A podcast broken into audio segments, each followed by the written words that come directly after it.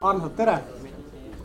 täna meil on äh, üks äh, päris huvitav äh, külaline siin koolis, Jaan Aru, kes räägib endast ise natukene hiljem. teemaks täna on meil ekraani mõju ajule.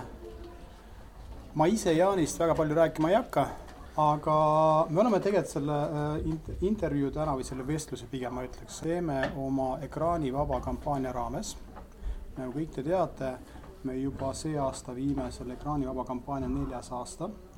Äh, esimene kord me tegime seda aastal kaks tuhat kaheksateist ja hea meel on selle üle, et see kampaania algusest peale läks nagu kõvasti väljaspoole meie kooli.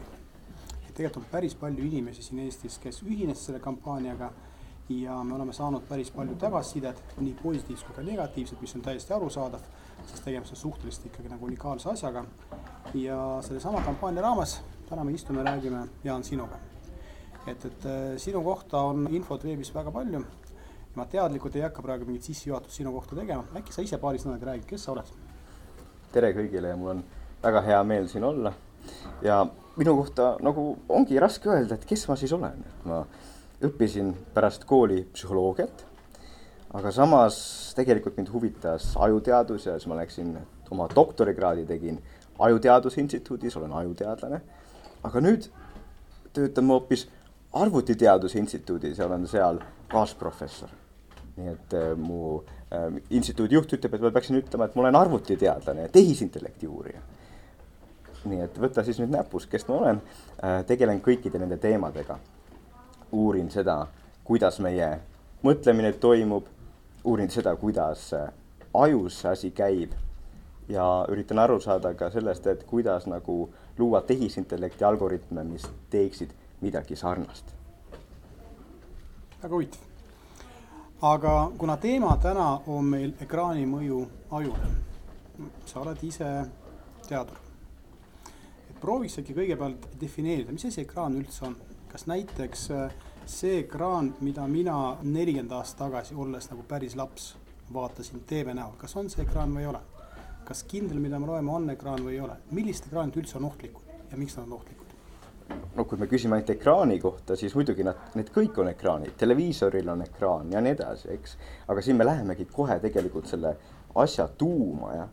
et ei ole nii, et ekraan iseenesest oleks ohtlik või halb. loeb ikkagi see, mida sellega tehakse ja kuidas me võiksime võtta selle kõige tavalisema tahvelarvuti, millel on, on ju ähm, mitmeid probleeme, milleni me täna jõuame, eks.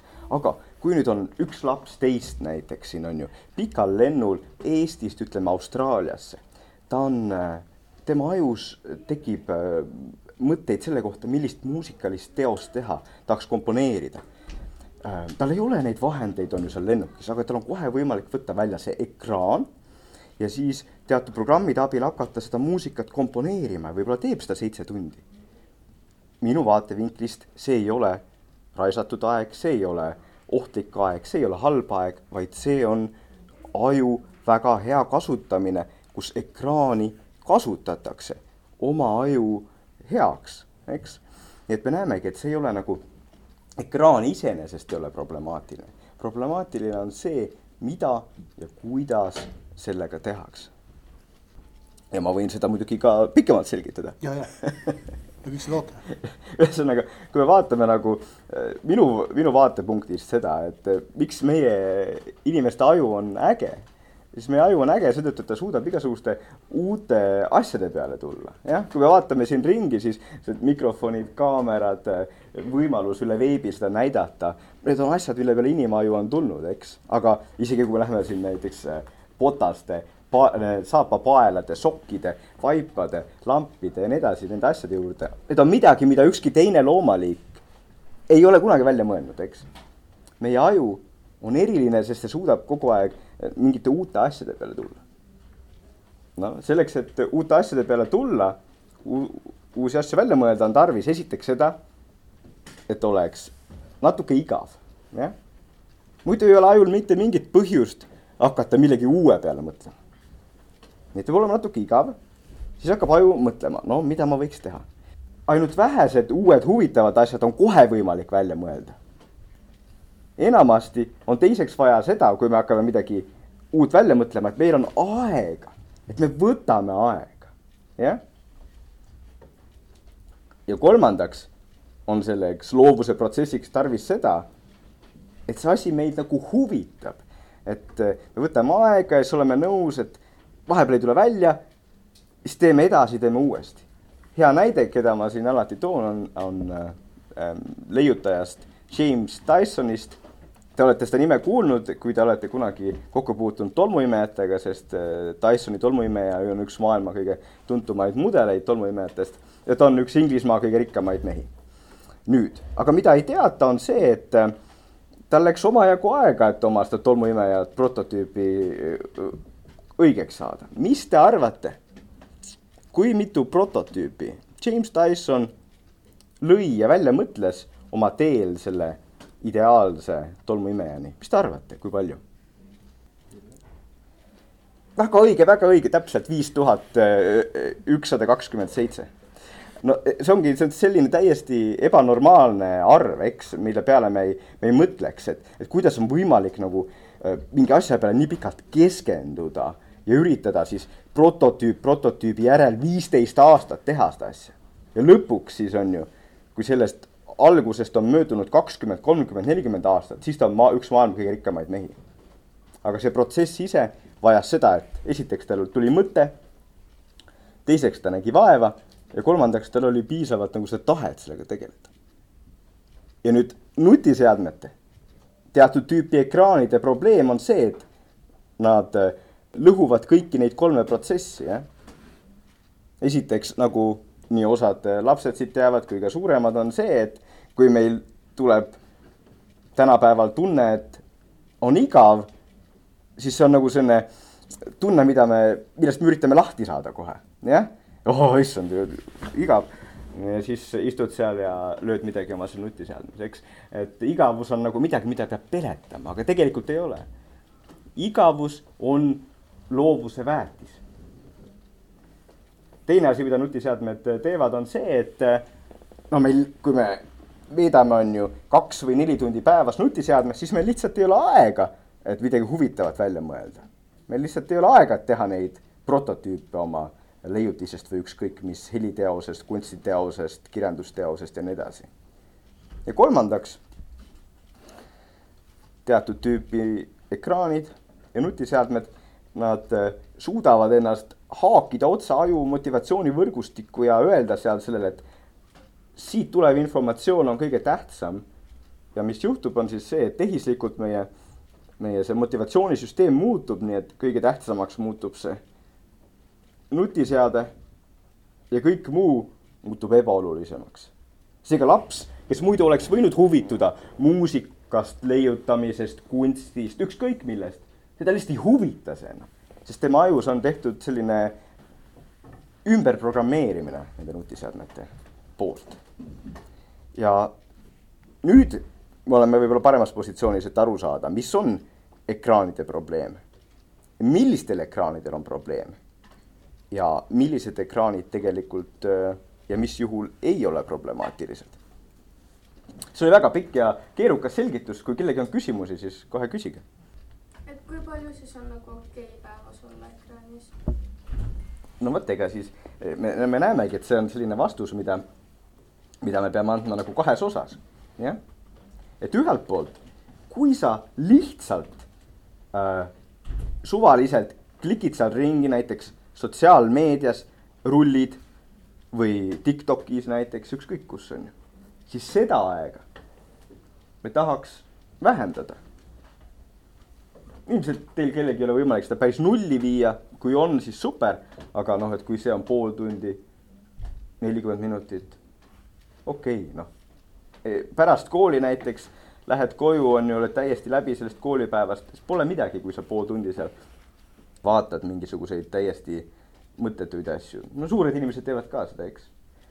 aga nüüd see teine aeg, et kui, kui sa tegelikult äh, näiteks nutiseade on sul töövahend, ütleme, ma ei tea, sa kirjutad seal raamatut, sa äh, teed seal mingit disaini, sa teed seal muusikat, siis seda aega kasutad seda nutiseadet, kasutad oma äh, aju ja loovuse jaoks, seda võib ka rohkem teha, on ju. nagu ma ütlesin, et sellisele asjale mina otseselt piire ei pane, lihtsalt alati ongi see probleem, et noh, et ühel hetkel, kui ta läheb niisama klikkimiseks, niisama klõpsimiseks, siis tuleb ära lõpetada. sobis see vastus mm? -hmm. ja Toomas. ja ma tahtsin küsida, et kas äkki, ma, mul tõi mõte, et äh, kuidas see mõjutab näiteks kellelgi on mingi keskendumishäire moodi, näiteks HD, ADHD mm, -hmm. mul tuli, ma ei tea, millal ma olen hakka uurinud selle kohta, mul, ma ei tea. Ise, on mingeid sümptomeid, pole ise diagnoosinud ja ma ise mõtlen, et võib-olla midagi on, aga et see on nagu keskendumise nagu, see pole otseselt, et sa ei saa keskenduda, ma olen kuulnud, et see on rohkem see, et sa lihtsalt ei keskendu valedele asjadele ja, ja et kuidas see näiteks mõjutaks näiteks seda praegu. jah, et, et kuidas siis? Nutiseadmed ja teatud tüüpi ekraanid mõjutavad näiteks ADHD-d me peame siin jah, et läheme, lähme veel ühe siis sellise tavalise, täiesti normaalse nagu lapse aju sisse. ja ütleme, et ta saab nutiseadme. ja nüüd seal on see äh, ükskõik TikTok, sotsiaalmeedia, mis, mis tema äh, ajus iga see uus rullimine tekitab väikse mõnureaktsiooni, jah. nüüd see vahend, nutiseade, aga ka siis see programm TikTok või, või sotsiaalmeedia saab selle aju jaoks väga oluliseks. probleem on see, et see nutiseade on kogu aeg taskus, on ju. ja siis tal on kogu aeg ähm,, aju üritab millelegi muule keskenduda. näiteks sellele, mida õpetaja räägib, aga tegelikult käib vahepeal see mõte, et okei okay,, võiks vaadata, huvitav, kas keegi on midagi postitanud huvitavat äh,. Tahaks teada, tahaks teada, on ju. no see ei käi kogu aeg niimoodi teadlikult, aga vahel võib-olla mõned teist teavad ka, et õpetaja räägib või teete kodutööd parajasti ja see mõte tuleb. tahaks vaadata, mis seal ekraanis toimub, on ju, mis seal nutiseadmes toimub. ja nüüd me võimegi ette kujutada, et ADHD on nagu sellise käitumise nagu ekstreemsuseni viimine, jah, kus sa ei suuda keskenduda asjale, sellepärast et su aiu tulevad, mõtetesse tulevad igasugu muud ideed. ja nüüd me näeme ka, et põhimõtteliselt on võimalik, selle kohta ei ole päris häid nagu teaduslikke uuringuid veel, mis seda kindlalt näitaksid. et äh, nutiseadmete liigne kasutamine võib tõsta seda, kui palju lapsi on ADHD-ga ja võib tekitada lisaprobleemi lapsele, kellel juba on ADHD. Aga põhimõtteliselt lihtsalt, et jällegi, et ma olen teadlane ja nagu üritan nagu kõiki variante kaardistada, on võimalik ka on ju, et laps, kes ta ei ole lihtsalt oma asja leidnud, tal on tunnis on tal tõesti võib-olla natukene igav ja nii. et ta sealt nutiseadmest, ta leiab mingi asja, millele ta suudab keskenduda, olgu need siis äh, loengud mustadest aukudest või muusika tegemine, kunsti tegemine ja, ja nii edasi. mõte on selles, et ühesõnaga asjad ei ole kunagi nii mustad ja valged siin maailmas, vaid alati on neil mitu tahku. kas strateegiamängud on sinu arust nagu raisatud aeg? ole, oleneb äh, mängust ja oleneb sellest äh, strateegiast ka, et äh, iseenesest see on väga hea küsimus, sellepärast et ilmselt paljud teist noh, saavad aru, et, et noh, mingisugused tulistamismängud ja nii, kus sa pead küll kiiresti reageerima ja liikuma, et need noh, need, nendel on nagu probleemid kogu selles kontekstis, mida me täna kasut-, käsitleme, eks. aga nüüd strateegiamängud on hea näide, et, et noh, sa pead seal ju mõtlema, sa pead ju midagi tegema seal, on ju Äh, siis mina vastaksin nii, et kui me mõtleme nüüd strateegiamängule näiteks, siis alguses, kui sa hakkad strateegiamängu õppima, siis sul on see õppimiskurv, kus asi on raske, keeruline, sa pead mõtlema, kuidas asi töötab, eks. ja selles faasis nagu see tõesti nagu võib olla nagu natukene ka aju arendav, jah. probleem on see, et ühel hetkel me jõuame sinna tasemele, kus tegelikult kõik käib suhteliselt automaatselt see on küll strateegiamäng, aga kuna me oleme seda mängu juba mänginud nii pikalt, siis meil tuleb kohe mõte, mida teha ja nii. sellest hetkest, kui ta läheb automaatseks, sellest hetkest on tal pigem ajaraisk, siis pigem võiks võtta kas uue strateegiamängu või veelgi parem üritada oma ajuga nagu äh, näiteks uut strateegiamängu välja mõelda. Ma võtaks äkki, mul on siin paar küsimust veel chatis ka tulnud, aga ma võtaks korraks kinni, Jaan, äh, sellest konstruktsioonist, mida sa nagu pakkusid välja siin äh, mõni aeg tagasi et me haarame nutiseadmed sel hetkel, kui meil on igav, igavus on leiutiste väetis. et kui me viisime ekraanivaba päevu siin koolis, siis me muuhulgas oleme palju rääkinud ja arutanud, rääkinud sellest, et kuivõrd oluline on asendustegevus. Et, äh, lähme muuseumi, mängime, teeme midagi muud sel päeval, kui me leppisime kokku, et meil äh, nutiseadmeid ei ole. kas siis asendustegevuste otsimine, kui mõnes mõttes igavusega võitlemine, on vale või ei ole? väga hea küsimus esiteks ja noh, võttes veel nagu natuke laiemalt, et lapsevanemad tihti tulevad ja küsivad mult, et noh, et kuidas saada lahti sellest lapse nutiseadme probleemist, et ma üritasin tal selle nutiseadme ära võtta ja viskasin selle aknast välja, aga kuidagi läinud paremaks, on ju. ja siis ma ütlen ka, et noh, me ei saa niimoodi, et me äh, nagu lihtsalt võtame lapselt nutiseadme ära ja nüüd ütleme, nüüd ole. või siis me ei saa ka nii, et me ütleme, et nüüd hakka midagi leiutama, eks nii ei saa, noh, et me peame lapsevanemana, koolina, ühiskonnana nagu lastele andma selle oskusega oma ajuga midagi teha, eks on ju. nii et ideaalis siis kodudes lapsevanemad tegelikult peaksid nagu, võiksid ka tegeleda sellega, et nad nagu siis, kui laps on väike, tegele, aitavad tal nagu õppida äh,, kuidas nautida kunsti, kuidas nautida muusikat, kuidas ise teha ro roboteid üldiselt ka, kuidas ise tulla mingite uute mõtete peale, eks on ju. ja koolis saab samamoodi teha, eks, et me nagu pakume erinevaid tegevusi ja näitame lastele, et mis on need asjad, mida on võimalik teha.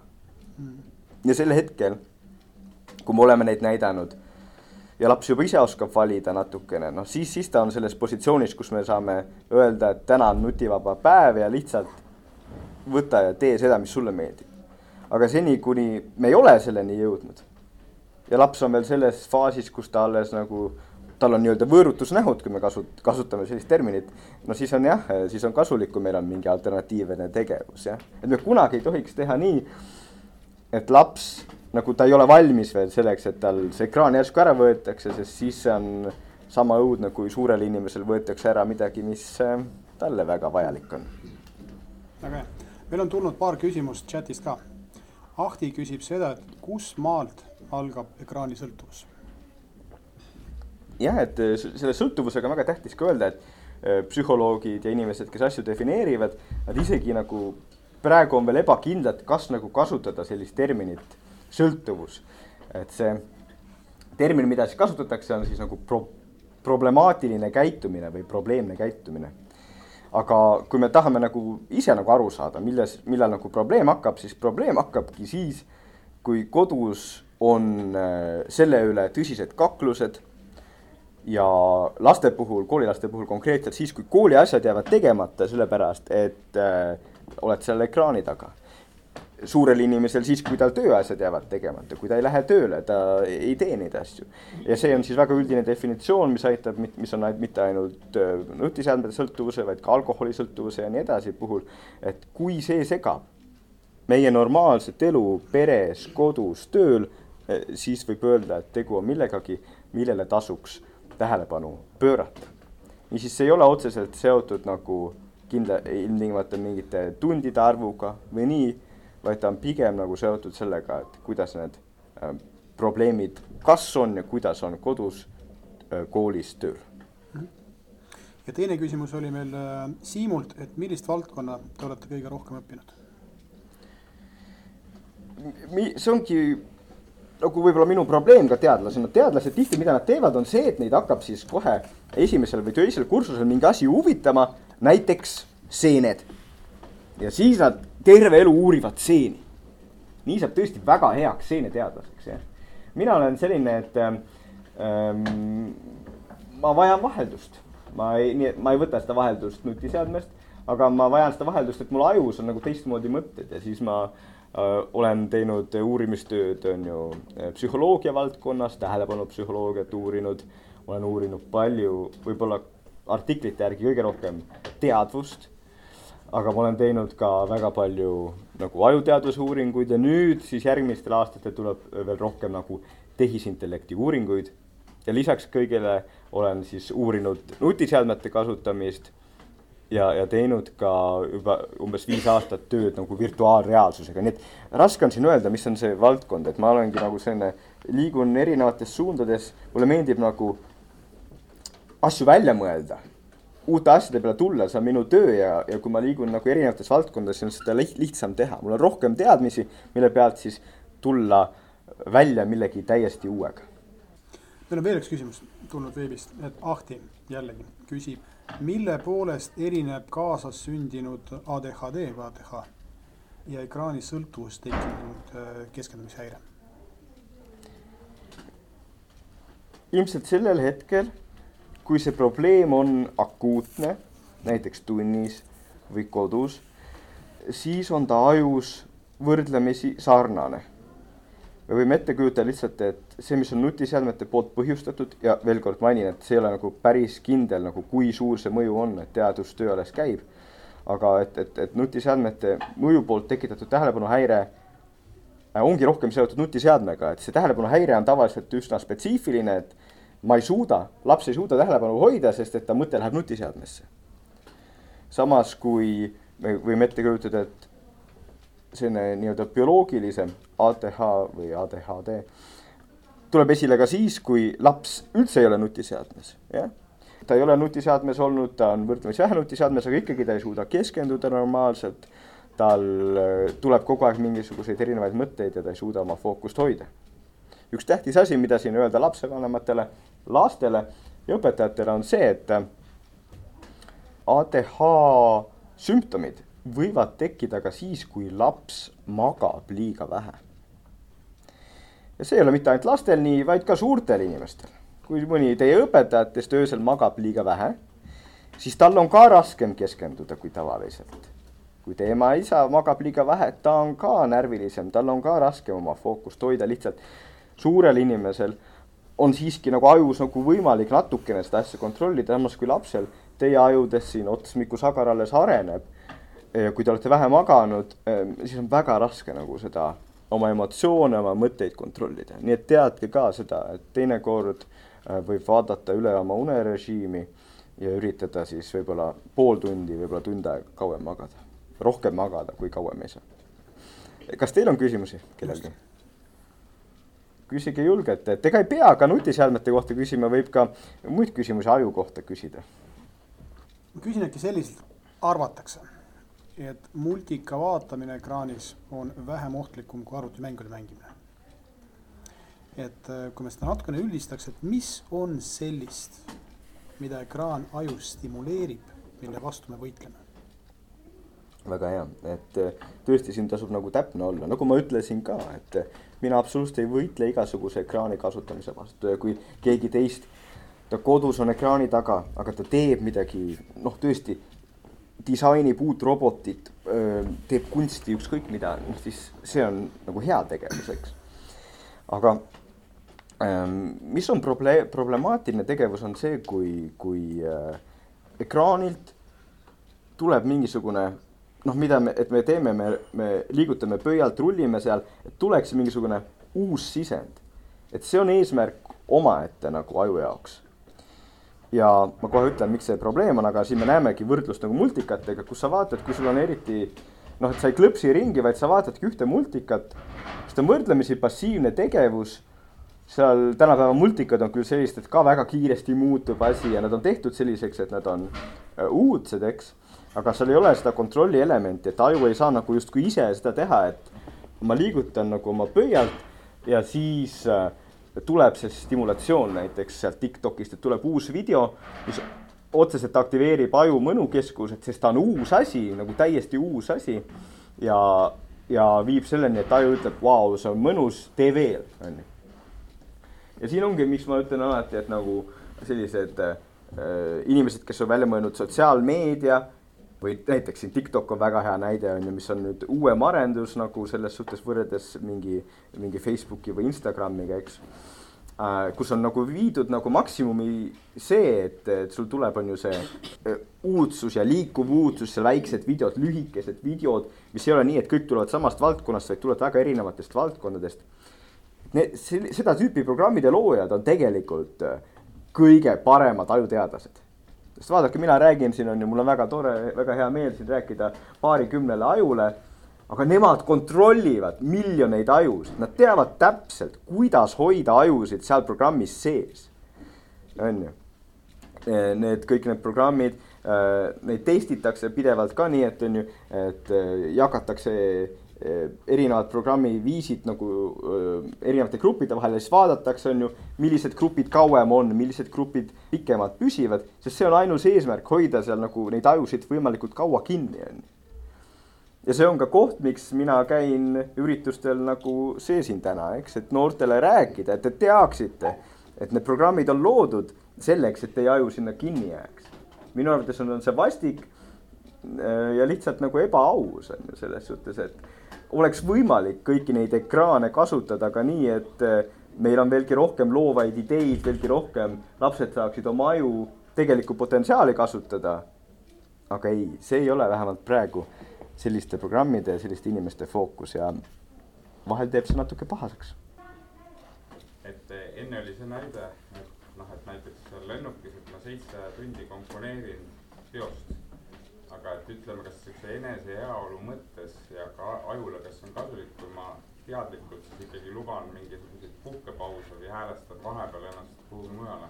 inimesed on väga erinevad, et selles suhtes, et on tõesti neid inimesi ja ma loodan, et ka teie seas on neid, kes tulevikus seda suudab, kui mitte praegu, et ta suudabki seitse tundi keskenduda ja siis juhtuvadki imed, ta läheb sinna oma teemasse sisse ja äh, tal tulevad seal, alles siis hakkavad asjad nagu juhtuma ja te teate ilmselt ka, noh, et osa asju lihtsalt, nad vajavad seda, et me nagu eh, pikalt aega võtaksime. aga samas, et eh, ma ei mõelnud seda nii, et kõik peaksid seitse tundi jutti tegema, vaid ikkagi me peame nagu üritama jälgida seda, et kuidas läheb, et et kui ikkagi me oleme juba väsinud, eh, tunneme, et see mõte enam nii hästi ei liigu, siis muidugi tasub see paus teha, eks. et mina ise näiteks tas-, üritan hommikuti jätta umbes äh, neli tundi kirjutamiseks, noh, mul on hästi palju vaja kirjutada, eh, kirjutan raamatut, kirjutan erinevaid artikleid, on ju. aga siis, kui mul nüüd noh, et see ei ole, et ma neli tundi järjest istun seal arvuti taga kirjutan, vaid ma tunnen, et okei okay,, nii, siin jäi mõte toppama. siis ma teen pausi, noh, võib-olla teen mõned eh, võimlemisharjutused. võib-olla kuulan natukene mingit muusikat, teen midagi muud, eks, et see on nagu selline oskus, mis peab tulema natukene oma ajust aru saada ja äh, üritada nii oma aju, keskkonda kui ka ekraane kasutada nagu selle jaoks, et eh, neid oma ideid nagu ähm, teostada. kas meediast on võimalik inspiratsiooni saada?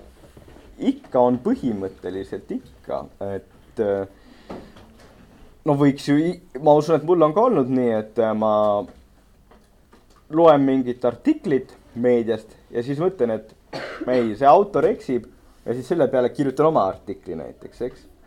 kui sa oled kunstnik, sind huvitab kunst, siis meediast võid sa näha mingit, kellegi teise mingit kunstiteost, on ju.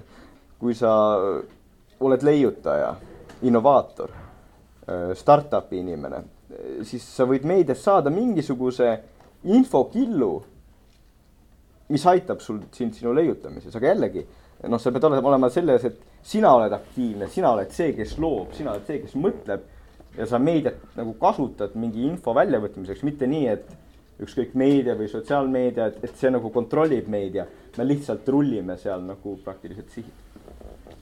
meil oli täna hommikul nagu igal esmaspäeval hommikul vanema kooliosa klassijuhatajate nõupidamine ja meil oli selline teema. nimelt me panime eelmisel kevadel tähele, kui lapsed tulid teiselt distantskevadel, olid neil telefonid külge kasvanud äh, kätele.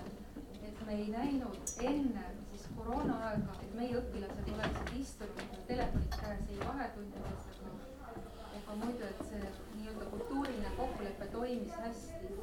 ja siis me kevadel juba arutasime, et olukord on läinud väga hulluks et äh, läheme ka sügisel seda teed, mida paljud koolid, et nad hakkavad hommikuti telefone ära korjama, kuigi sellega kaasnevad äh, noh, igasugused ebamugavused ja tänapäeva õpetajal on ju nagu hunt Kriimsimäel, eks ole, üheks ametiks, nüüd on siis see kriminaaljälitus ka, eks ole.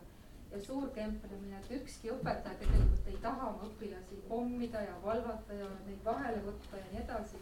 ja siis noh, siin hommikul nukralt rääkisime ja mõtlesime, et noh, et asi ole tegelikult selles, et kes nagu sellest peituse mängus peale jääb, ilmselgelt õpilased on selles osavamad ja ka motiveeritumad aga, aga et meil olidki suured lootused, et küsimus on ju teadlikkuse kasvus ja enesejuhtimise võimes.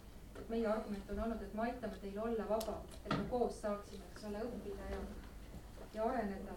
mis nõu teie meile annate? no siin on, siin on mitu nõu ja küsimus oli ju ka pikk, nii et las ma vastan ka natukene pikemalt. esimene asi on see, et ei kodudes ega koolis meid keegi ei taha nende asjade pärast kakelda ega ükski laps ka ei taha nende asjade pärast äh, kakelda. et äh, õpilased, ma loodan, et tänase najal ka natukene saavad aru, et, et mis on nende nutiseadmete ohud, mis on nende äh, probleemid, saavad aru, et miks nagu see koolis nagu võib seda ka nagu ära panna ja, ja, ja ma loodan, et noh, et sellised diskussioonid ka õpilastega viivad selleni, et nagu ühel hetkel nagu tekib piisavalt palju neid õpilasi, kes ütlevad, et ah, ma tahan ise oma aju kontrollida, ma tahan olla mina ise. ja, ja et populaarseks saab see, et tegelikult pannakse nutiseade ära. ja et ägedad on need, kellel ei olegi nagu seal tundide ajal nutiseadet ja kes õhtul ka nagu paar tundi lihtsalt ütlevadki. hei, tšau, ma nüüd tegelen oma asjaga nagu ja ei ole enam äh, laivis, eks. et see oleks päris tore. nüüd väga tähtis on aru saada, et siin lapsed ka kõik ja õpilased, te olete juba suured inimesed ka, eks on ju, et eh, kui teil kellelgi tunnete tänase jutu põhjal, et teil võib-olla on natukene nutiseadme selline probleem ja mure, siis ärge tundke ennast süüdi. ärge tundke ennast halvasti. see ei ole teie süü, jah. Teie ajudel on väga raske selle ähm, kiusatusele vastu panna et tegelikult äh, kui keegi on süüdi, siis on pigem ühelt poolt ühiskond ja teiselt poolt, nagu mainitud sai, ka, ka see koroona olukord, kus te kõik pidite olema, on ju ekraanide taga rohkem. ja midagi polnud teha, see tuli nii järsku, et on ju, kellelgi ei olnud nõuandeid, et mida nüüd õpilastele öelda, kuidas selgitada seda, et kuidas on parem ekraanide taga õppida, kuidas on parem hakkama saada. niisiis, et kui keegi tunneb, et äh, võib-olla ta on liiga palju nutiseadmes olnud suva see, keegi ei ole süüdi. tähtis on see, et kui keegi mõtleb, et nüüd edasi võiks teistmoodi, siis tehke seda, jah. ja omalt poolt võib-olla tasub siin lisada, et me oleme rääkinud siin loovusest, kunsti tegemisest, leiutamisest, innovatsioonist ja nii edasi ja võib-olla mõni teist mõtleb, et nojah, aga mis see minusse puutub, et ma olen täitsa tavaline tüüp, eks on ju. aga ei ole. kõikide inime-, inim-, inimeste ajudes on seesama algoritm olemas ei ole vahet, et teil siin praegu on võib-olla kehvemad hinded või tundub, et klassikaaslased saavad mingis asjas paremini hakkama, see on jumala suva, ükskõik. tähtis on see, mida te teete järgmise kümne aastaga oma elust, jah. sest et äh, siis, kui te olete kakskümmend viis, kolmkümmend, kolmkümmend viis, siis me näeme, mis te tegelikult suudate, eks. ja seega ongi praegu selline hetk, kus mõelda, et kas ma tahan edasi seal nutiseadmes olla või ma tahan üritada vaadata, mis minu aju suudab. ma loodan, et mõni teist valib selle teise tee. ja siis, kui te seda nagu üha rohkem lapsi sellest aru saab, siis on see ilmselt ka koolis lihtsam, et me paneme need nutiseadmed kõrvale ja saame aru, et, et õpetaja ei taha olla vastik, vaid võib-olla sellel on oma, oma mõte ka, eks. aga eelkõige ma loodan, et siin koolis ka nagu sellepärast ka edasi ei kakelda ja ei võidelda, et lõppude lõpuks neid asju ei saa õpilastele nagu peale suruda. Neid ideid ei saa peale suruda. Te kõik peate ise selle peale tulema, ise selle, selle otsuse vastu võtma. kui te ei taha, siis ei taha. meil chatis Ahti küsis seda, et, et kumb on õigem öelda, kas ekraanisõltuvus või dopamiinisõltuvus jah, et see on siis nüüd selline, läheb natuke tehnilisemaks küsimus, et, et mis siis üks, üks selliseid mõnusignaale meie ajus on see, kui vabaneb äh, dopamiin. ja dopamiin võib vabaneda mit, mitmetel põhjustel, näiteks ka siis, kui te ise midagi ägedat välja mõtlete, tulete uue idee peale või keegi klassikaaslane ütleb, et kuule, see on jõle vahva asi, mis sa välja mõtlesid, siis ka dopamiin vabaneb. aga lihtsalt ekraanid nagu ma ütlesin lihtsustatult, et mida nad teevad, on see, et nad aktiveerivad selle mõnusüsteemi ja nad viivad siis selleni, et see dopamiini signaal ajust tuleb, eks. aga sõltuvuses noh, et selles suhtes võiks öelda muidugi, et inima, inimaju on sõltuvuses dopamiinist, aga, aga seda saab erinevalt kasutada, on ju. kui mina olen sõltuvuses sellest, et ma tahan kogu aeg äh, huvitavaid uusi teadusideid välja pakkuda, äh, noh, siis see on ka dopamiini sõltuvus, eks, aga seda saab, noh, see on võib-olla ka positiivne asi. Samas kui ekraanist nagu see, et ma seal on ju seal Tiktoki liigutan ja sealt see dopamiini laks tuleb, see on selgelt nagu selline pigem äh, probleemne asi ma küsiks siis, mõeldes meie põhikooli lõpetajatele ja ka teine lend, kellel see järgmine aasta seisab ees, et kuidas saada teadlikuks oma eh, siis kutsumusest, et teha häid valikuid elu sellistel pöördelistel perioodidel. jah, ega, et ega see ei ole lihtne, eks. mõni inimene, no võtame näiteks Kelly Sildaru või Mozart, nad satuvad osati tänu oma vanematele nagu selle ala juurde, milles nad head on, väga vara, eks. aga tihtipeale see ei lähe sugugi nii. ja võiks öelda, et mina kooli lõpus veel ma olin, ma arvasin, et äkki ma lähen majandust või juurat õppima, siis käis mingi klõks ära, et äh, tahan minna psühholoogiat õppima. Et äh, me peame ühelt poolt aru saama, et äh, see, kui me seni ei ole leidnud seda asja, mis meid tõesti huvitab, see ei tähenda, et seda asja ei ole olemas, eks. et äh, lihtsalt siis, kui, kui me oleme, laps on teie vanuses, siis osasid asju ta veel ei näe, osasid asju ta veel ei saa teha, on ju. ja, ja siis on tore, kui teil on üheksanda klassi lõpuks mingi huvi, kui te tegelete millegagi, aga te peaksite ka nagu valmis olema, et äkki see veel muutub. jah. ja mis siis kõige tähtsam on, on see, et me nagu aktiivselt küsime endalt seda küsimust ja üritame otsida, aru saada, et kes mina olen ja mida mina suudan.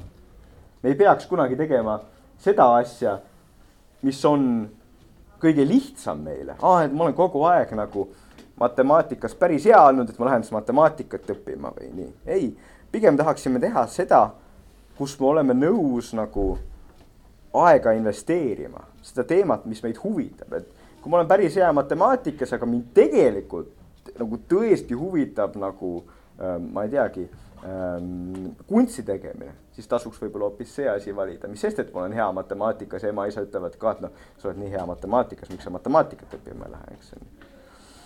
nii et kõige tähtsam asi, mida kool minu arvates ka kaasa anda saab, on see, et lapsed nagu küsivad endalt seda küsimust.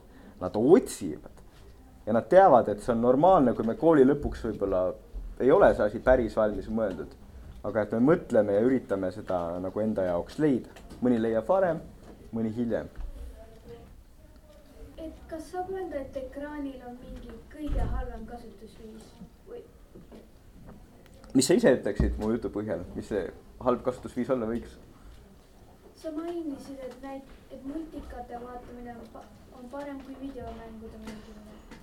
jah, aga, ja, aga noh, kõige hullem on ikkagi sellised programmid nagu äh, TikTok ja see programmid, kus sa nagu äh, rullid, on ju, liigutad pöialt ja nüüd selle pöidla liigutusega tuleb sul uus asi kohe, jah. sest et äh, usun, et mõni teist teab ka, et sinna võib kaduda tundideks, on ju, kogu aeg tuleb midagi uut ja iga kord, kui sa mõtled, et lõpetad, siis on tunne, et nojah, aga äkki see järgmine või ülejärgmine video on ikka nagu super hea, ja see on väga ohtlik, on ju. Võib-olla teist siin on kõik nagu väga hea enesekontrolliga, aga on olnud lapsi, kes tunnistab mulle, et nad on nagu neli-viis tundi seal vahel nagu järjest, eks on ju. ja see on väga ohtlik. Ja ma, nagu ma ütlesin ka, et selliste programmide loojad on nagu kõige ägedamad ajuteadlased, sest nad suudavad täpselt kontrollida miljonite ajude nagu seda käitumist ja hoida neid seal Äh, endaga kaasas, eks. vaadake, kui raske see on, et mina siin räägin vaevu nelikümmend viis minutit ja mõnel juba vajub silm kinni, eks. see on raske nagu keskenduda ja raske nagu äh, uudishimulik püsida. aga TikTok äh,, Facebook ja sellised ja Snapchat ja nii edasi on suutnud seda. vaimustav, tõesti vaimustav, aga ka õudne, väga õudne meil on üks, sa palusid ajude kohta küsida, nüüd üks küsimus, mis tuli nagu siit äh, chat'ist on äh, Siimult, on see, et, et kuidas tänapäeval aju areneb evolutsiooniliselt. no näiteks me teame seda, et Neandertali aju oli mingi kakssada grammi umbes meie omast, tema mass oli umbes kakssada grammi suurem. kas tähendab seda, et nad olid meist targemad või mitte?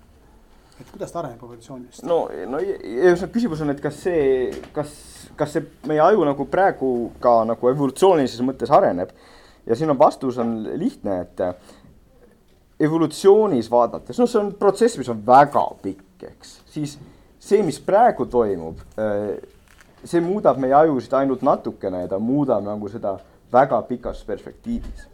aga võib-olla huvitavam vastus on see, et me arvame vähemalt, et see inimaju baasalgoritm on olnud sama viimased paarkümmend tuhat aastat, nii et kui teil kellelgi sünnib väike vend või väike õde ja võtaksime nüüd selle väikse venna või väikse õe ja saadaksime ajamasinaga nelikümmend tuhat aastat tagasi, siis ta saaks seal sama hästi hakkama. jah, ja vastupidi, võtaksime sealt ühe aju, mis on seal just sündinud ja tooksime siia äh,, siia maailma. et meie ajud nagu äh, inimese aju puhul ongi huvitav see, et meid, meid nagu huvitavad uued asjad ja meid huvitab eh, uute asjade loomine.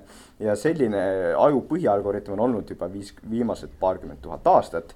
ja nüüd siia tasub võib-olla lisada, et siis see nii-öelda nutimaailm Tiktokist Snapchatini on midagi, milleks meie aju valmis ei olnud, jah et see on nagu selline leitud nagu selline superstiimul, mis suudab meie aju enda külge aheldada. on küsimusi siit saalist? jah, Madis. Äh, mis tegevus arendab aju kõige rohkem? No nagu sa võid aimata, siis see on igale ajule natukene erinev. me tahame otsida, kui me tahame oma aju arendada, siis me tahame otsida sellist tegevust, mis ei oleks liiga lihtne just enne vastasin sulle ka, siis vastasin seda õppimiskurvi on ju. ja tahaks sellist tegevust, mis meid nagu huvitab, kus me viitsime teha, aga samas ta on natukene raske, eks. Et iga kord, kui asi läheb juba lihtsaks, ükskõik, see võib olla klaverimäng, see võib olla malemäng, me saame kõikidest jagu, me oleme kõikidest paremad, siis meie aju tegelikult enam ei arene, eks. ja siis me tahame sellist tegevust endale, kus meie viitsime iga õhtu näiteks tund aega pingutada aga mis on tõesti nagu natukene pingutamine ka, on ju. ja see on kõikidele ajudele natukene erinev, et meie ajud on erinevad, see, mis äh, sulle kõige rohkem sellist pinget ja huvi pakub, ei ole see, mis mõnele teisele pakub, eks see on. et enda jaoks peab selle, peab selle leidma ja tänapäeval noh, see on tore ju ka nende ekraanide juures, et põhimõtteliselt on võimalik neid, neid tegevusi, tegevusi ka, ka leida, näiteks on ju, et teid huvitab mingisugune no jumal hoidku selle eest, aga mingi teadusteema on ju. et siis on võimalik nagu paari klikiga minna mõne ähm, nagu rahvusvaheliselt tunnustatud professori loengutesse ja vaadata, on ju. seal kaheksanda või üheksanda klassi lapsel on see tohutult raske, aga võib-olla mõni teist põhimõtteliselt suudab seda teha, on ju. teiste jaoks on see täiesti mõttetu tegevus, mis asja sa teed, see on lollakas, on ju. nii et äh, peab otsima enda jaoks seda natukene, katsetama ja natukene proovima aga aju areneb siis, kui on natukene raske. sellesama teemaga seoses, et tänapäeval ongi tegelikult kõik on nii kättesaadav ja, ja meil on olemas nagu Youtube University või Youtube ülikool, kus kõik nagu, ükskõik mis teema meid huvitab, me saame kohe nagu mõne kuulsa professori või infot hankida ja ennast oma aju arendada ja nagu suur oht sellega seoses on ju tegelikult see informatsiooni ajastul praegu elamine, informatsiooni üleküllus. et kuidas nagu õppida seda nagu vahet tegema või tajuma, et, et me tegelikult hangime praegu liiga palju nagu informatsiooni või mida see liigne informatsioon üldse meie ajuga nagu teeb või kas teeb üldse midagi halba? no siin on, on mitu aspekti, noh, et see ikkagi, kui, kui ma olen, ma olen, ju selles oma teemas äh,, mis mind huvitab ja kus ma, ma tõesti tahan teada saada Ehm, siis otseselt nagu ei ole sellist asja nagu liigne informatsioon, et ähm, mõned laps teist on seda kogenud ka, et koolis nagu näiteks matemaatika õppimine ilgelt aeglaselt läheb nagu no lihtsalt ei jaksa. aga siis leiad selle oma teema, mis sind huvitab, ükskõik õpid nagu tahad mingi kuulsa kunstniku või muusika kohta õppida ja siis oled nõus nagu lugema mitme tunni jooksul nagu mitu artiklit ja tema isegi põhimõtteliselt biograafia kätte võtma, eks on ju. et meie aju läheb, kui teda huvitab, siis talle, teda nagu, ta on võimeline keskenduma väga hästi. Nüüd see probleem on see, et see informatsiooni on igat, igasugust, on ju. ja siis see teine viis, millest me oleme ka siin rääkinud, on see, et sa istudki seal sotsiaalmeedias, ütleme ja, ja sealt kerid seda informatsiooni, mis on lihtsalt iga, erinevatest kohtadest on ju, mis ei ole seotud sellega, mis mind huvitab.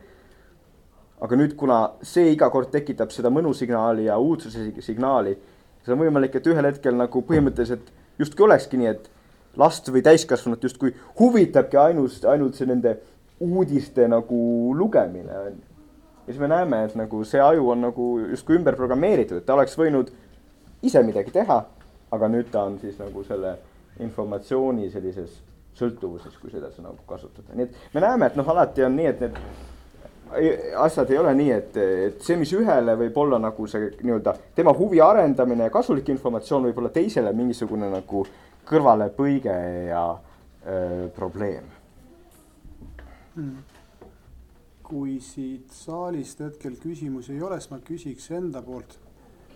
et kui me vaatame nagu viimase tosina aasta peale, siis nutiseadmed on nagu sihukene nagu noh, päris asi.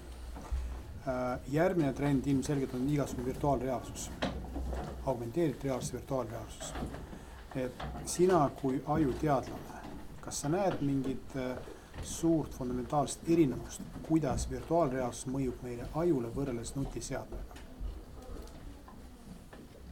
ja noh, oleneb, mida seal sees tehakse, noh nagu võib juba aimata sellest vastusest jah, et kui me paneme kogu sotsiaalmeedia ja Tiktokis asjad sinna virtuaalreaalsusesse, siis on ka samad probleemid, eks. aga kui virtuaalreaalsust rohkem kasutataksegi kunsti tegemiseks, on ju mingite äh, asjade disainimiseks, milleks päriselus ei ole, koolis ei ole juppe ja asju, aga sa virtuaalreaalsuses saad seda teha. no siis tast võib palju rohkem kasu olla, on ju, et ta on ikkagi äh, ka võimalus nagu ka nutiseadmed võiksid olla võimalus, nagu ma siin kommenteerisin, lihtsalt eh, selle taga on, on, on programmid ja korporatsioonid, kelle jaoks on, on tähtsam nagu see finantsiline kasu kui see, et seda võimalust kasutada, eks. Kas no päeva lõpuks meil on ikkagi taskus äh, seade, mis annab sulle ligipääsu kogu maailma tarkusele päeva lõpuks Ab? absoluutselt, noh, et mine, ma ju täna olen seda korduvalt ka äh, rõhutanud, et ükskõik mis tehnoloogiline vidin võib olla kasulik ja targad inimesed, nad võtavadki ja kasutavad seda, et äh, oma aju ideid ja eesmärke ellu saada. probleem on lihtsalt selles, et need tänapäeva vidinad paljusid ajusid ka nagu orjastavad, jah. ja keegi meist tegelikult ei taha ju olla mingi vidina ori, aga noh, me ei saa sellest arugi. ja see ei ole ju üldse nagu äh, kaheksanda, üheksanda klassi laste mure ainult, vaid osad teie lapsevanemad on samasugused, kes on ju seal nende vidinate orjad, eks, on ju mis on meile kõigile raske. ja kõige tähtsam ongi, et me oleme sellest teadlikumad, et on ka teine tee, on ka teine võimalus, jah. et meie aju suudab ka teisi asju teha, eks. küsiks sellist asja, et kuuldavasti Prantsusmaal on koolides wifi võrgud välja lülitatud, et kas kuskil noh, Eesti hariduspoliitikas on arutatud mingisugust riiklikku regulatsiooni, on, on teie käest konsultatsiooni küsitud või? või mis oleks nagu kõige toetavam hariduskeskkond nüüd siis kaasaja kontekstis? no eks on selge see, et see on meie Eesti riigi üks probleem, et me oleme e-riik, me oleme see tehnoloogiariik, on ju, digiriik. Ja siis ikkagi kogu ka muudatused haridussüsteemis pigem kõik lähevad sinnapoole, et üha rohkem asju on digitaalne. Äh, ja selle kõrval on mõningaid kriitilisi hääli, sellest vahel räägitakse aga praegu, siin ja praegu tundub kõige lihtsam ja õigem, õigem lahendus see, et äh, me räägime lastega otse, nagu täna siin, mul on väga hea meel teiega siin olla ja sellest asjast rääkida, on ju. et laste enda teadlikkus tõuseks, et lapsed ise aru saaksid sellest asjast. See on kõige nagu õigem ja, ja asjakohasem lahendus praegu. et kas on soovitusi, et, et ütleme, kuidas õppida neid äh, teemasid võib-olla, mis äh, kohe ei ole need mille vastu on metsik huvi, aga me teame, et koolis ikkagi aeg-ajalt tuleb ette seda. et mis on need soovitused? see on selline hea, selline sala, salanipp lastele. kõikidel on meil teemasid, mida me absoluutselt ei viitsi õppida. tunduvad täielik jura, eks, kõik noogutavad äh, minu trikk on väga lihtne. kui teil on mingi aine, mingi asi, mis teie jaoks tundub täiesti mõttetu täielik jura. siis võtke seda kui väljakutset kui ajutrenni. jah, see on jura.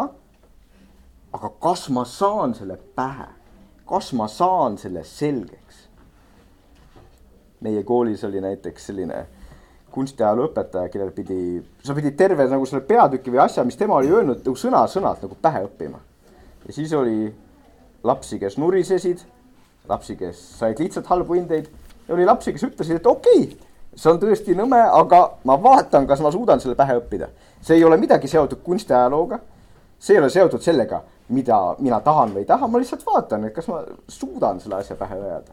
ja teinekord selline suhtumine nagu aitab meid mõnest sellisest vastikust asjast läbi. et me lihtsalt vaatame, mida ma suudan endale pähe ajada. ja selle oskuse arendamine nii-öelda, päheajamise arendamine võib ka teinekord kasuks olla chati kaudu tuli Alvinilt selline küsimus, et kas une lõhestamine on halb tegevus? näiteks kui kohe peale kooli magada neli tundi, siis tegeleda nagu päris oma asjadega ja siis magada näiteks neli tundi enne kooli. siin on jällegi nii, et igaühele oma natukene. kui ikkagi koolipäev võtab teid või õpetajaid nagu täiesti siruli noh, lihtsalt te üritate üleval olla, aga nagu mitte miski ei aita, no siis tasub tegelikult see uinak teha. ta ei pea olema neli tundi, tihtipeale, kui te prooviksite, siis näiteks viisteist minutit võib ka nagu täiesti imesid teha. ja võib-olla siin antud juhul võiks ka proovida seda viieteistminutilist und, eks. aga kui nüüd inimesel nagu on selline tempo, et ta magab neli tundi pärast kooli, siis töötab ideaalselt, mõte töötab, teeb oma asju kuni hilisööni välja ja magab veel neli tundi ja kõik on korras nagu, ta, ta on koolipäeval enam-vähem värske ja nii, siis põhimõtteliselt see ei ole keelatud. jah, näiteks teaduses on selline, et meil, meil ei ole mingit üheksast viieni tööd, igaüks tuleb siis, kui tahab. mina juhendan väga palju noori inimesi, kellelegi ma ei ütle, et nii, sa pead siin olema nüüd kell üheksa, vaid igale ühele ütlen, et nii, sa otsid oma tempo kui sinu kõige parem nagu see kirjutamisaeg on õhtul kella üheteistkümnest kella öösel kella kolmeni, palun tee seda. tuled laborisse siis, kui sa jõuad, eks ähm,. nii et äh, me tahame seda nagu arvesse võtta, et inimesed on erinevad. koolis muidugi on seda raske teha, noh, kui te peate teatud ajal koolis olema ja kellelgi ma nüüd kindlasti ei soovitaks kohe tänasest hakata eksperimenteerima, et nüüd pärast tänast loengut neli tundi magada ja siis öösel kella viieni üleval olla, ma ei soovitaks, eks. aga kui teil on selline tempo, teil töötab, teil on tervis korras, siis ei ole mingi probleem, vaid et noh, et inimesed on väga erinevate unemustritega ja väga erinevate unevajadustega. et sellega on seotud ka järgmine küsimus, mis jällegi tuli meil nagu veebis, et, et tegelikult sa oled osaliselt juba vastanud sellele küsimusele varem. aga siiski, et, et kui palju omab mõju päevane rütm öisele puhkamisele ja omakorda siis vastupidiselt, öine puhkamine päevasele rütmile? ja et äh, ma usun, et kõik seda ka mingil määral teavad, et äh, uni on tähtis ähm,. me võib-olla alahindame seda, kui mina koolis käisin, siis keegi sellest tähtsusest ei rääkinud, eks. aga tänapäeval teadustöö näitab, et sel ajal, kui te magate, siis tegelikult nagu ajus pannakse uusi teadmisi kokku, üritatakse sellest materjalist aru saada, mida te koolis õppisite, eks. täitsa uskumatu, mida on nagu teadustöö selles näidanud, nii et me vajame seda, et me päeval või tähendab ööpäeva jooksul nagu magaksime ja, ja magamine on nagu aluseks sellele, et äh, me oleme nagu päeval heas vormis, olen seda ka maininud näiteks ATH juures, eks. et kui laps või täiskasvanu või õpetaja ei saa normaalselt magada, siis ta on ka nagu selline, ei suuda keskenduda, läheb kergemini närvi ja nii edasi, eks. nii et hea uni on vajalik. ja vastupidi ka, et noh, et äh, me tahame muidugi ka päeva jooksul piisavalt palju õppida, et siis aju seal une ajal teeks neid põnevaid asju, oleks mida kokku panna veel üks küsimus oli äh, Ahti poolt oli see, et, et äh, kas ja kuidas saab alateadvuse funktsioone teadlikult juhtida? noh, see, kui palju teil aega on siin, et mul nüüd kaks tundi läheb vastuseks ei, ma teen nalja, ma üritan kiiresti vastata. et tõesti, me, see huvitav asi on meie aju juures on see, et suur osa asju, mis me teeme, toimub täiesti teadvuse väliselt. mõelge näiteks, et ma praegu, teadvus mul enam-vähem sätib selle, et mis selle vastuse enam-vähem joon on. aga teadvuse välised mehhanismid panevad kirja või noh, et milliseid sõnu ma täpselt kasutan. ja teadvusevälised mehhanismid äh, teevad seda, et ma nagu äh, enam-vähem õige grammatikaga teile siin seda vastust annan, eks on ju. ja nüüd küsimus on siis, et kuidas neid teadvusväliseid mehhanisme kasutada.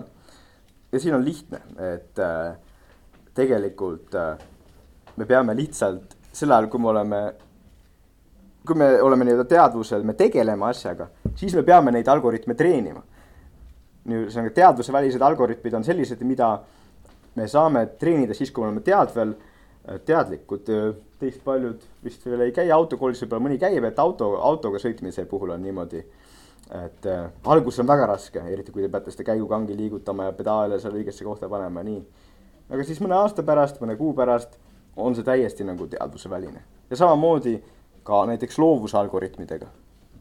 meie aju, minu aju näiteks, tuleb kogu aeg igasuguste mõtete peale, mis ta on teadvusväliselt kokku pannud aga ainult seetõttu, et ma olen viimased seitseteist aastat kogu aeg üritanud nagu teadlikult uute ideede peale tulla. nii et äh, neid teadvuseväliseid algoritme saate te kõik loodetavasti oma alu, oma elus nagu kasutada ja rakendada. aga tegelikult äh, mul on üks kokkuvõtlik küsimus. Jah. miks äh, igavus tekitab väsimust? miks igavus tekitab väsimust? ähm,. ma ei tea, kas ta on, kas on õige öelda väsimus, ta tekitab pigem sellist rahutust vist, et inimene nagu tahaks midagi äh, teha. on ju, igavus ja väsimus on tihtipeale seotud seetõttu, et just vastupidi, et nagu kui me oleme väsinud, siis me ei jaksa midagi teha ja siis meil on natukene igav. Aga, aga iseenesest igavus võib olla ka noh, näiteks proovige ühel laupäeval on ju, et teil on nagu, teil ei ole väsimus, aga te lihtsalt lõpetate kõikide asjade tegemise. ja siis te tunnete, et on igav, teil tekib selline kärsitus, tahaks haarata telefoni või midagi. aga siis hoopis proovige midagi uut välja mõelda, eks. mul, mul on lihtsalt kommentaar, et mina ei nimetaks seda nagu väsimuseks või rahutuseks, vaid ta mõnes mõttes tekitab tea-, teadlikkuse nagu igavus, et see nagu tekibki küsimus, et mida ma siin teen ja mida ma tahan teha. no eks ta inimestel erinev ja eri inimesed erinevas vanuses ka interpreteerivad, tõlgendavad seda erinevalt, eks, et ta võib tulla täitsa nagu, et see on lihtsalt. oh, ma olen nii väsinud, võib tulla selline tunne, et ma tahaks midagi teha. võib tulla lihtsalt selline tunne, et no vastik on, mõne jaoks on kahjuks, mõne jaoks on igavus vastik ja võib tulla, et see on hetk nagu enesemõistmiseks, eks, või, või loobuseks. Siis ma võib-olla lihtsalt, et, et võtta selle jutu kokku küsiks sult, Jaan äh,. tegelikult küsimus tuli meil samamoodi veebist, aga ma hoidsin seda nagu lõpuni, sest et mulle tundub, et sihuke päris hea äh, lõpuküsimus. kuidas saab keskendumist treenida? kui te tahate nagu mõtlete, et äkki ma suudaks paremini keskenduda, siis esimene asi, mis te peate tegema, on see, et te teete endale elu lihtsamaks. Keskendumist segab see, kui teil on mingisugused segajad, eks jällegi, see on midagi, mida võib-olla keegi teile pole öelnud ka, et kui te näiteks teete ähm, kodus arvuti taga koolitööd, siis see, kui teil on seal lahti mitmed veebiaknad, kuskil midagi vilgub äh,, taga on telekas, laua peal on telefon, mis helineb heliseb, see segab. see on põhiline probleem, mis segab teil keskendumist. ja kui te paneksite juba telefoni vaiksele, teleka kinni ja nüüd need veebiaknad kinni, siis on juba palju lihtsam keskenduda. tänapäeva üks probleem, mis on nagu, mida ka suured inimesed ei tea, on see, et on ju kõik nagu rakendused pakuvad nagu neid äh, töölaua märguandeid. et kui tuleb uus uudis Delfist Äh, siis tuleb töölauale, kui tuleb uus meil, siis tuleb töölauale. tundub, et aa, see ju aitab tööd teha, ma näen kohe, kui mingi asi tuleb.